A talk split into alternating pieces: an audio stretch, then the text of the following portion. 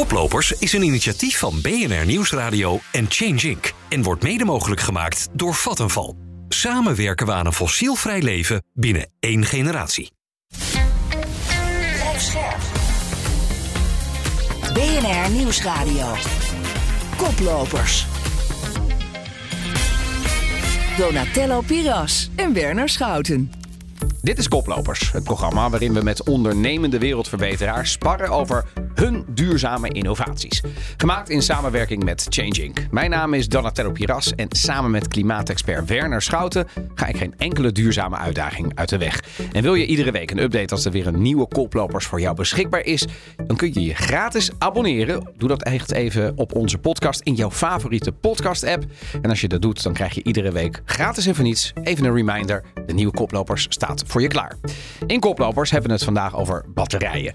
Hoe vandaag opgewekte energie morgen het duurzame verschil kan maken. Bezwaren van het stroomnetwerk te kostbaar is en dat het te veel tijd kost. En de oplossing, die ligt bij energieopslag. Nou, het, ik heb laatst, het, volgens mij de goedkoopste thuisbatterij kwam nog altijd op zo'n 500 euro per kilowattuur. Eh, De productie van de zonnepanelen die ze niet onmiddellijk kunnen verbruiken, die kan dan in de batterij eh, geplaatst worden. En op die manier kan je die dan bijvoorbeeld als het donker is toch nog eh, je eigen zonnestroom gebruiken. Ja, daar gaan we het dus over hebben. Maar eerst nog eventjes naar het nieuws. En Werner, wat heb jij meegebracht vandaag? Nou, ik heb heel relevant eh, nieuws meegebracht. Want wij praten natuurlijk elke week over duurzaamheid. En ik denk dat de luisteraar dan toch ook wel eens denkt van... Goh, tel dat nou op naar de ambities die we samen gaan hebben. Mhm. En het Planbureau voor Leefomgeving is even geleden met een emissieraming gekomen. En we willen natuurlijk in 2030 60% minder uitstoot hebben. En daar zitten we nog niet aan met onze maatregelen. Oké, Dat zitten is ze er net niet aan? Of? nou, eigenlijk lang niet aan. Oh, als, het, als, het, als we alle maatregelen optellen, komen we op gemiddeld zo'n 45% uitstootreductie in 2030. En dat is dus veel te kort. En dat betekent, als we doorgaan op de huidige weg met de huidige maatregelen, komen we niet aan die 60. Nee, en, en zelfs sinds we deze ramingen publiceren, dat doen we al vijf jaar, Ja. zijn alle maatregelen, hebben die nog nooit opgeteld tot het doel dat we daadwerkelijk hebben. Dus ik zou hierbij graag minister Jetten willen oproepen, laten we alsjeblieft overprogrammeren. Juist meer maatregelen nemen dan daadwerkelijk nodig is. Dan is er tenminste ruimte voor tegenvallers. In plaats van dat we de hele tijd concluderen dat, er, dat we de zeilen bij moeten Ja, zetten. dus liever een beetje het braafste jongetje van de klas. eh, Want dat hebben we gewoon nodig, zeg jij. Anders komen we gewoon niet aan die emissiedoelstelling. Nee, totaal niet. Oké, misschien eh jij het een keer uitnodigen bij koplopers. Nou, laten we dat doen. Eh, dat bij doen. deze de uitnodiging. Ja. Hij luistert vast. Zeker.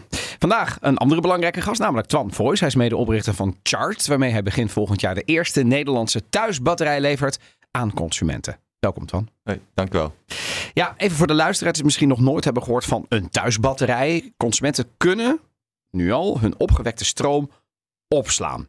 Juist. En ik kijk al een beetje vragen, leg ik het zo goed uit? Ja, de overtollige zonne-energie opslaan eh, in je eigen thuisbatterij, dat is de primaire functie van de batterij. En er zijn meer functies. Ja, en, dat, en, en, neem ons eens even mee, want eh, eh, stel ik heb zo'n... eh, eh, eh, eh, ik heb zonne-energie en die wil ik opslaan. Ehm, wanneer is dat met name belangrijk? Ik kan me voorstellen eh, als, het, eh, als, hè, als het heel zonnig is en ik kan die energie niet kwijt. Dat ligt eraan wat je eh, wilt bereiken. Hè? Dus ehm, wil je ehm, in de zomer pieken voorkomen, ja. ja. dan te- om het elektriciteitsnet minder te belasten.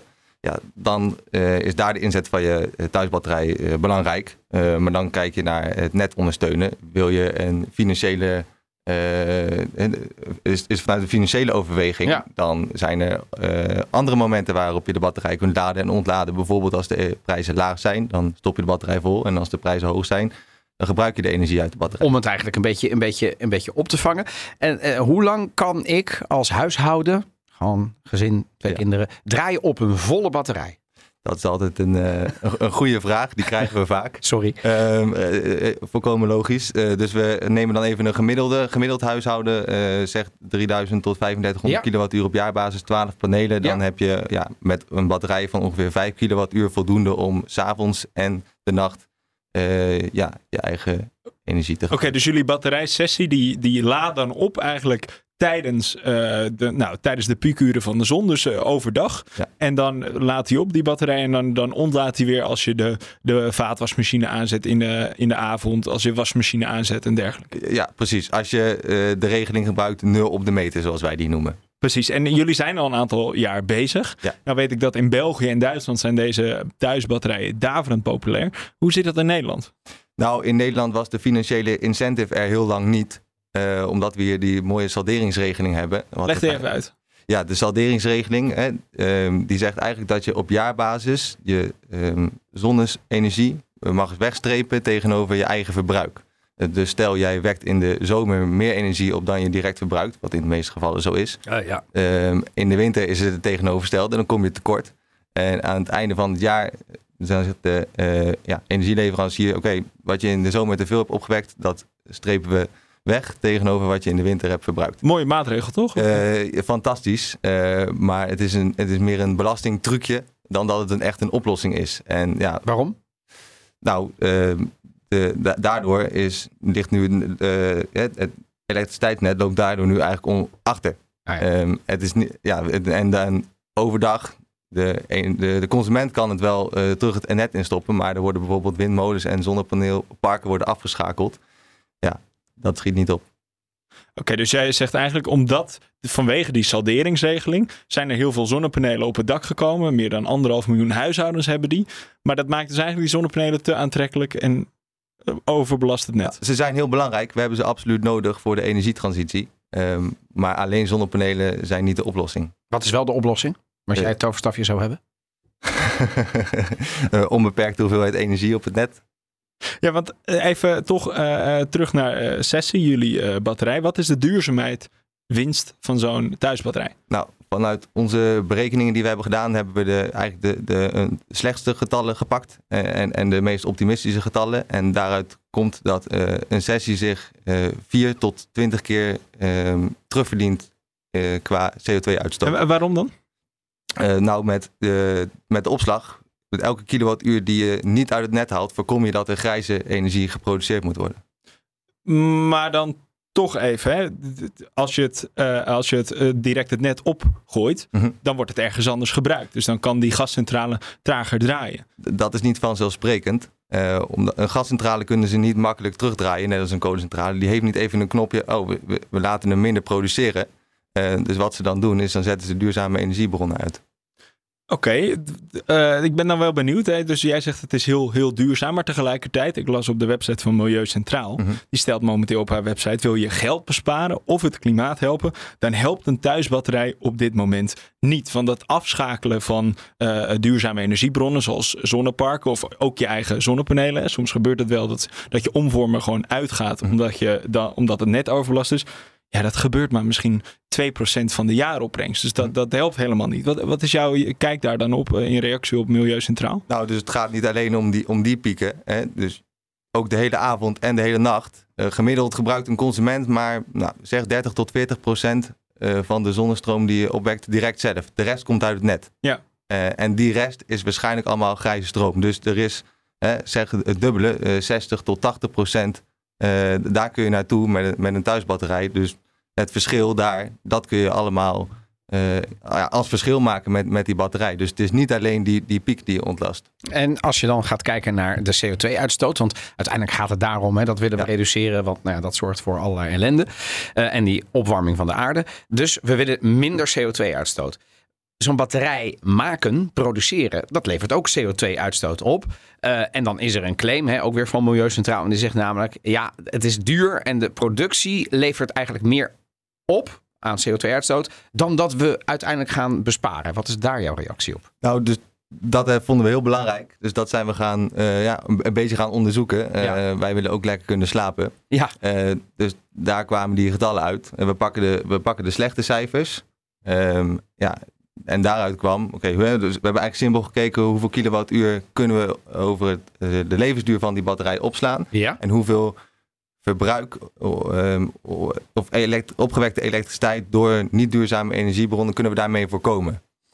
En, en daaruit kwam dat in de meest slechte scenario was het eh, eh, tot wel vier keer terugverdienen. De, dus de energie die benodigd was voor die eh Ja, dan hebben we batterij. het over duurzaamheidswinst. Hè? Dit Ja, is niet dus- portemonnee-winst, duurzaamheid. Duurzaamheidswinst Ja. vier keer en het meest optimistische scenario 20 keer. Dus eh, de waarheid zal ergens in het midden liggen. Dus nou, volgens die berekeningen zeggen we, dus hij verdient zichzelf wel terug. Ja, en, Ja. En, en die berekening hebben jullie zelf gedaan of hebben jullie ook eh, eh, Laten doen. eh, laten doen zeg Nou, dus die hebben we gedaan op basis van berekeningen die door eh, de universiteiten zijn gedaan. Oké, oké. Ja, want dat is een belangrijke claim natuurlijk, hè, die CO2-uitstoot. Want we hebben het over financiële winst, we hebben het over duurzaamheidswinst. Nou, zeker. Wat verschillende dan- winsten. Inderdaad, ik denk dat je zo'n zo'n thuisbatterij, daar kan je denk ik door slim te handelen op het elektriciteitsnet, kan je, en dat slim te opladen en ontladen, kan je ongetwijfeld als consument er geld mee verdienen. Maar of het daadwerkelijk duurzaamheidswinst oplevert, daar zijn ook zeker experts, hier, onder andere duurzaamheidsexpert Thijs ten Brink en dus Milieucentraal heel kritisch over. Maar misschien goed om eh, eh, in te zoomen op, wat is nou jouw advies hè, als, als batterijondernemer? Jullie ontwikkelen zo'n batterij aan andere duurzame ondernemers. Ehm, ja, probeer naast eh, batterijen te kijken naar eh, hoeveel duurzame energie kun je zelf opwekken. Zonnepanelen is toch wel een no-brainer in, in deze tijd. En eh, als je het niet kunt opslaan, probeer het dan direct te verbruiken. Dus slim omgaan met je verbruik. Dat helpt ook een hele hoop. Want in principe gaat het om, om dat eigen verbruik, de autarkie. Zo min mogelijk van net halen, meer zelf gebruiken. Dus opslag is een deel van de oplossing. En het is niet de oplossing, maar een deel van de oplossing. Oké, en als ik dan hier luister, en ik ben natuurlijk ondernemer, maar ik ben natuurlijk ook gewoon consument, gewoon inwoner. Eh, stel nu dat ik denk, ja, ik, ik wil er wel zijn. Wat is nou een makkelijke stap, eh, behalve jou natuurlijk direct bellen, hè? maar eh, om, om, om dit te doen? En wat is de investering? Dus belangrijk vind ik dat je je als consument ook verdiept. Waarom zou ik hem gaan gebruiken? Dus nou, lees goed onze website door, maar kijk ook op het internet wat er nog meer te vinden is aan, aan informatie. Ja? En wat wij met onze sessie hebben gedaan, is dat je kunt beginnen met één. Dus nou, eh, Nederlands start-up, eh, lastig en batterij, het is allemaal nieuw. Nou, begin met één batterij, bevalt het je en zegt de app, hey, er is nog meer te Ja. halen. Ja, dan kun je eventueel een En wat is mijn kopen. investering dan als ik zeg maar low, low, low profile wil instappen? Eén batterij, En 3250 euro, Dat is geen klein bier. ex-BTW. inclusief BTW. Oké, dat dan weer wel. Ja. dat is wel belang- belangrijk voor ondernemen. Het is geen klein bier. En, en, en, en, en dan weer terug naar die portemonnee. Wanneer ga ik daar echt iets van merken? Dat is niet na één maand. Nou, als je op een dynamisch energiecontract zit, dan Ja. kun je nu al geld verdienen. Dan, heb, dan loop je nu al geld mis. Dus je bent al te laat. Dat is gigantisch. Dat is, wel- dat is ook wel een mooie salespraat, ja, inderdaad. Ja. Eh, dankjewel, Twan Voice, medeoprichter van Charged. We horen jou straks ook nog wel even in de podcast. Dankjewel.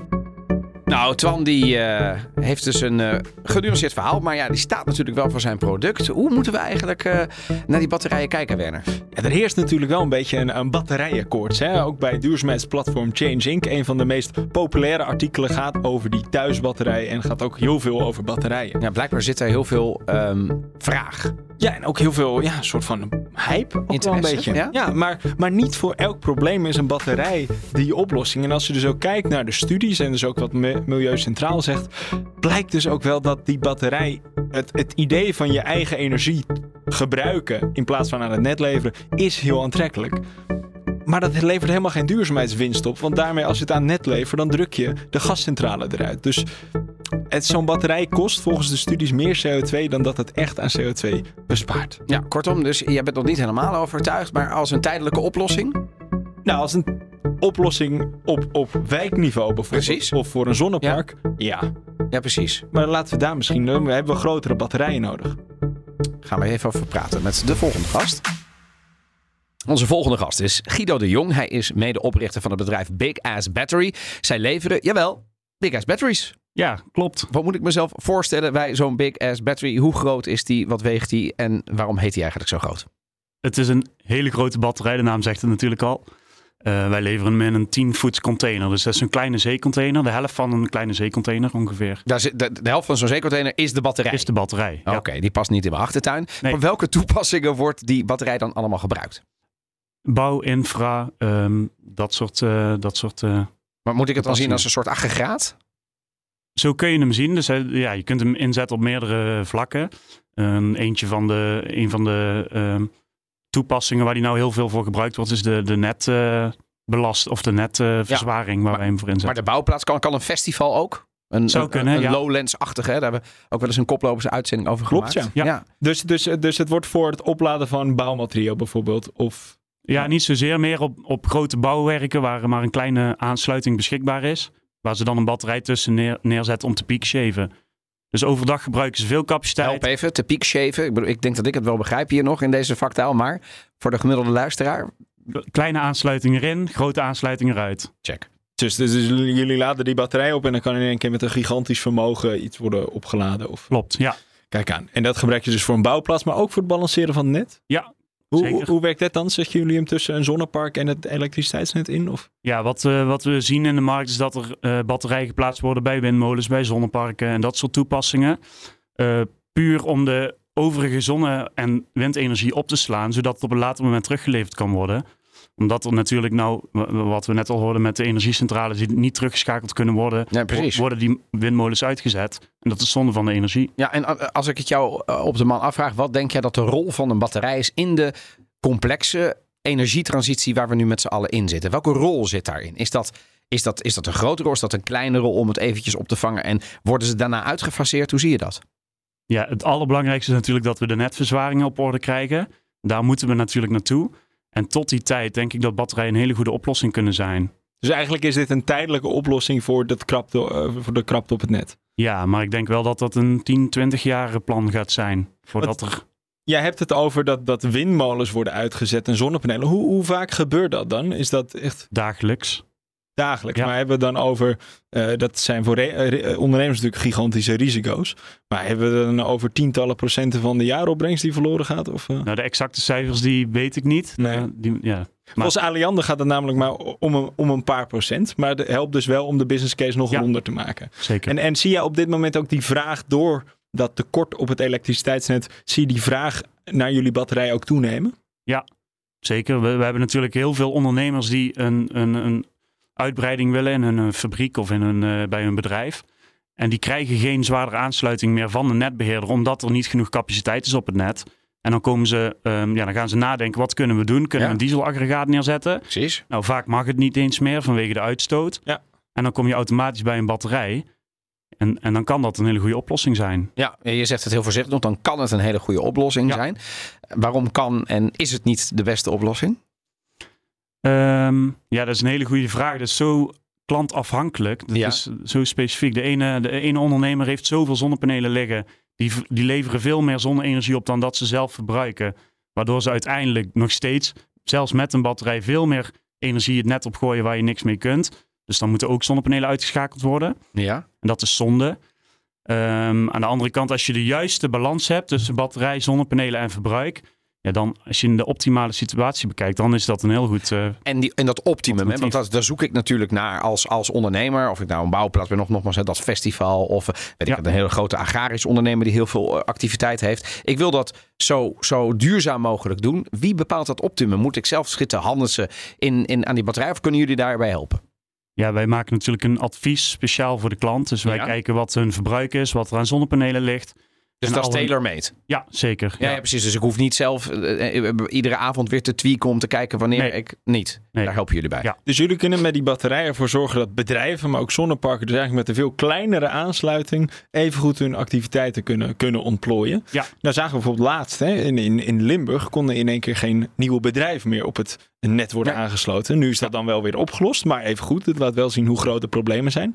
Kreeg je in één keer grote aanvragen vanuit Limburg dan voor, voor jullie batterij? Nee, uit, uit, heel Nederland eigenlijk. We hebben zelfs boeren die uit Groningen bij ons in Brabant eh, langskomen om een batterij te kunnen kopen. Het is, eh, door heel Nederland is het probleem. Ja, en als boeren vanuit Groningen naar Brabant komen, Ja. dan is de. Ja, nu zijn die boeren de laatste tijd al wel, wel wat mobieler geworden. Ja. De indruk, jongens. Dus met de baas dan weer niks. Ja, Dan toch even over de verduurzaming. We spraken net ook al over, over de duurzaamheid van zo'n batterij. Hè, batterijen worden een hele grote rol toebedeeld in de energietransitie. Dus dat is belangrijk. Maar tegelijkertijd zien we dat het mijnen van de grondstoffen ook nog ontzettend vervuilend is. Hè. Lithium, dat kost ontzettend veel water om dat te mijnen in, in Zuid-Amerika, wat toch al droge gebieden zijn. Eh, kobalt wordt vooral uit Congo gehaald. Daar schijnen 40.000 kinderen te werken in de mijnen om, om, Congo, eh, om eh, kobalt daar te winnen. Dus dat zijn ontzettend grote problemen in de levering, toeleveringsketen van die batterijen. Hoe vindt de industrie en hoe vind jij daar een antwoord op? Ehm, ja, sowieso maken wij al ge- geen gebruik meer van kobalt in onze batterijen. Oké. Dus dat is al een, een betere techniek dan, dan een gewone lithium-ion batterij. Er zit geen kobalt meer in. Er zit geen kobalt meer in. Dus het is al een, een, een stuk beter Die voor het innovatie milieu. komt al op gang. Ja, zeker. En, en, en dat blijft alleen maar sneller gaan nu. Wij zien het ook in de capaciteiten van de batterijcellen die wij inkopen. Die, die, ja, die worden ieder jaar met 10, 20 procent meer. Ja. Met dezelfde hoeveelheid Met dezelfde- lithium. Ja. Oké, en, en, en, en eh, het gebruik van lithium, kan je dat op een manier reduceren of juist vervangende eh, grondstof vinden die, die veel meer aanwezig is of die veel duurzamer is? Ja, we zijn natuurlijk in Nederland flink bezig aan de, in de batterijwereld. Ook met de eh, nieuwe solid state batterijen.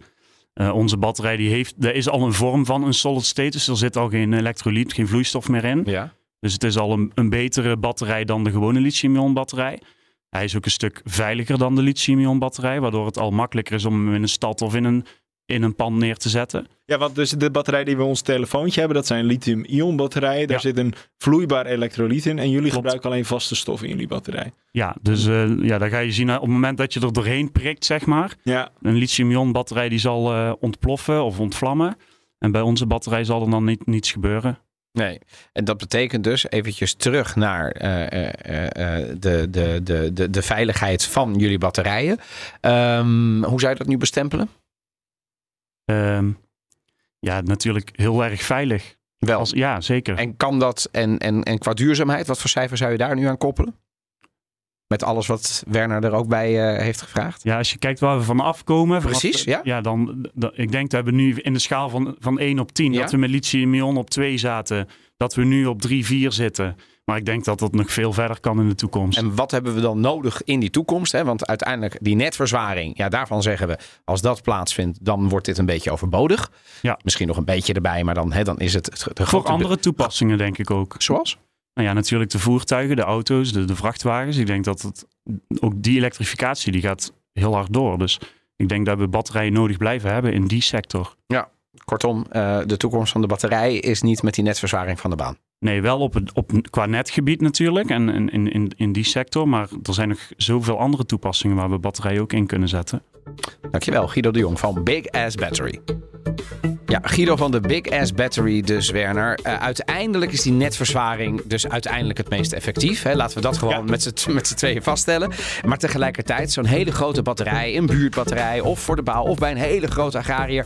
Ja, dat kan toch best wel wat controle geven... om een stap richting de duurzaamheid te maken. zeker. Ja, dat is dus ontzettend belangrijk. Ten meer ook omdat we te laat zijn begonnen met het opschalen van die elektriciteitsnetten. Ja. En daarom ja, heel belangrijk ligt ook om... een beetje aan die... hè, bedoel, de netbeheerders riepen altijd... ja, maar we gaan, dat grid gaat pas zwaarder als het moet. Ja. En de overheid zei... ja, maar we, we, gaan, we kunnen pas opschalen als jullie het doen. Dus kip op het ei en we ja. elkaar aan... In een, in, een, in een hypnotiserende dans.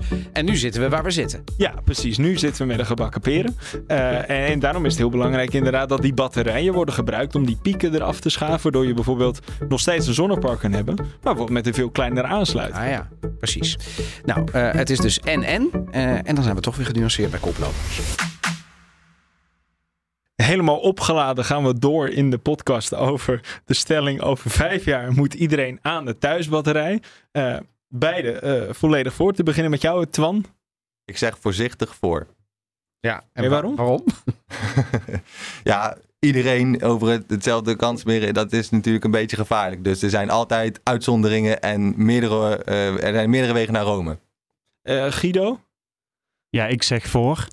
Eh, vooral in de huidige markt waarbij meer mensen gaan elektrisch gaan rijden, meer zonnepanelen komen. Ik denk dat het een hele goede oplossing is om, om, het, om het eh, eigen verbruik goed eh, in de hand te houden. Nou, jullie hebben de volgers van Changing aan jullie zijde, want we hebben deze stelling ook uitgevraagd op LinkedIn. En 66% zegt ook voor. Dat klinkt ook heel logisch, heel aantrekkelijk, zo'n thuisbatterij. Maar tegelijkertijd zeggen duurzaamheidsexperts dat het dus ja, misschien helemaal niet zo'n eh, verstandige oplossing is. Ook een van de eh, eh, mensen die reageerden, die zei van nou, kunnen we niet beter werken met een buurtbatterij in plaats van dat we allemaal losse thuisbatterijen hebben. Guido, hoe kijk jij daarnaar?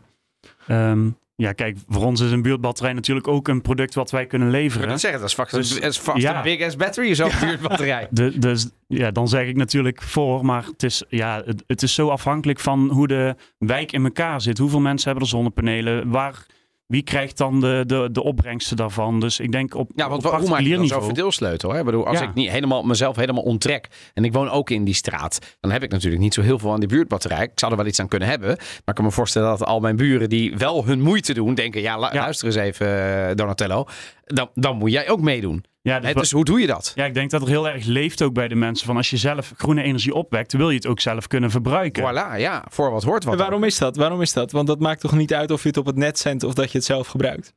Nee, maar ik denk dat dat ge- een gevoel is. Mensen willen nou eenmaal groen en willen meedoen aan de, aan de, ja, aan de klimaat. eh, maar moeten we de consument dan niet uitleggen dat dat eigenlijk geen verschil maakt? Want als het het net op wordt gestuurd, dan wordt het even goed ergens gebruikt. Want Ja. anders kan het niet het net op. Zeker, ja. Ja, en denk jij niet, Werner, dat mensen dan denken... ja, maar wacht eens even, ik doe nu die moeite, ik heb geïnvesteerd... ik heb, nou, ik heb duizenden euro's aan batterijen... Ja. tienduizenden euro's aan zonnepanelen... ik heb ook nog een warmtepomp, ik heb echt enorm mijn best gedaan... en dan vervolgens pomp ik dat terug... En dan gaat eh, Pietje daar. En dat is natuurlijk iemand die, die rijdt eh, in zijn in zijn- in zijn- in zijn- Porsche. Ja.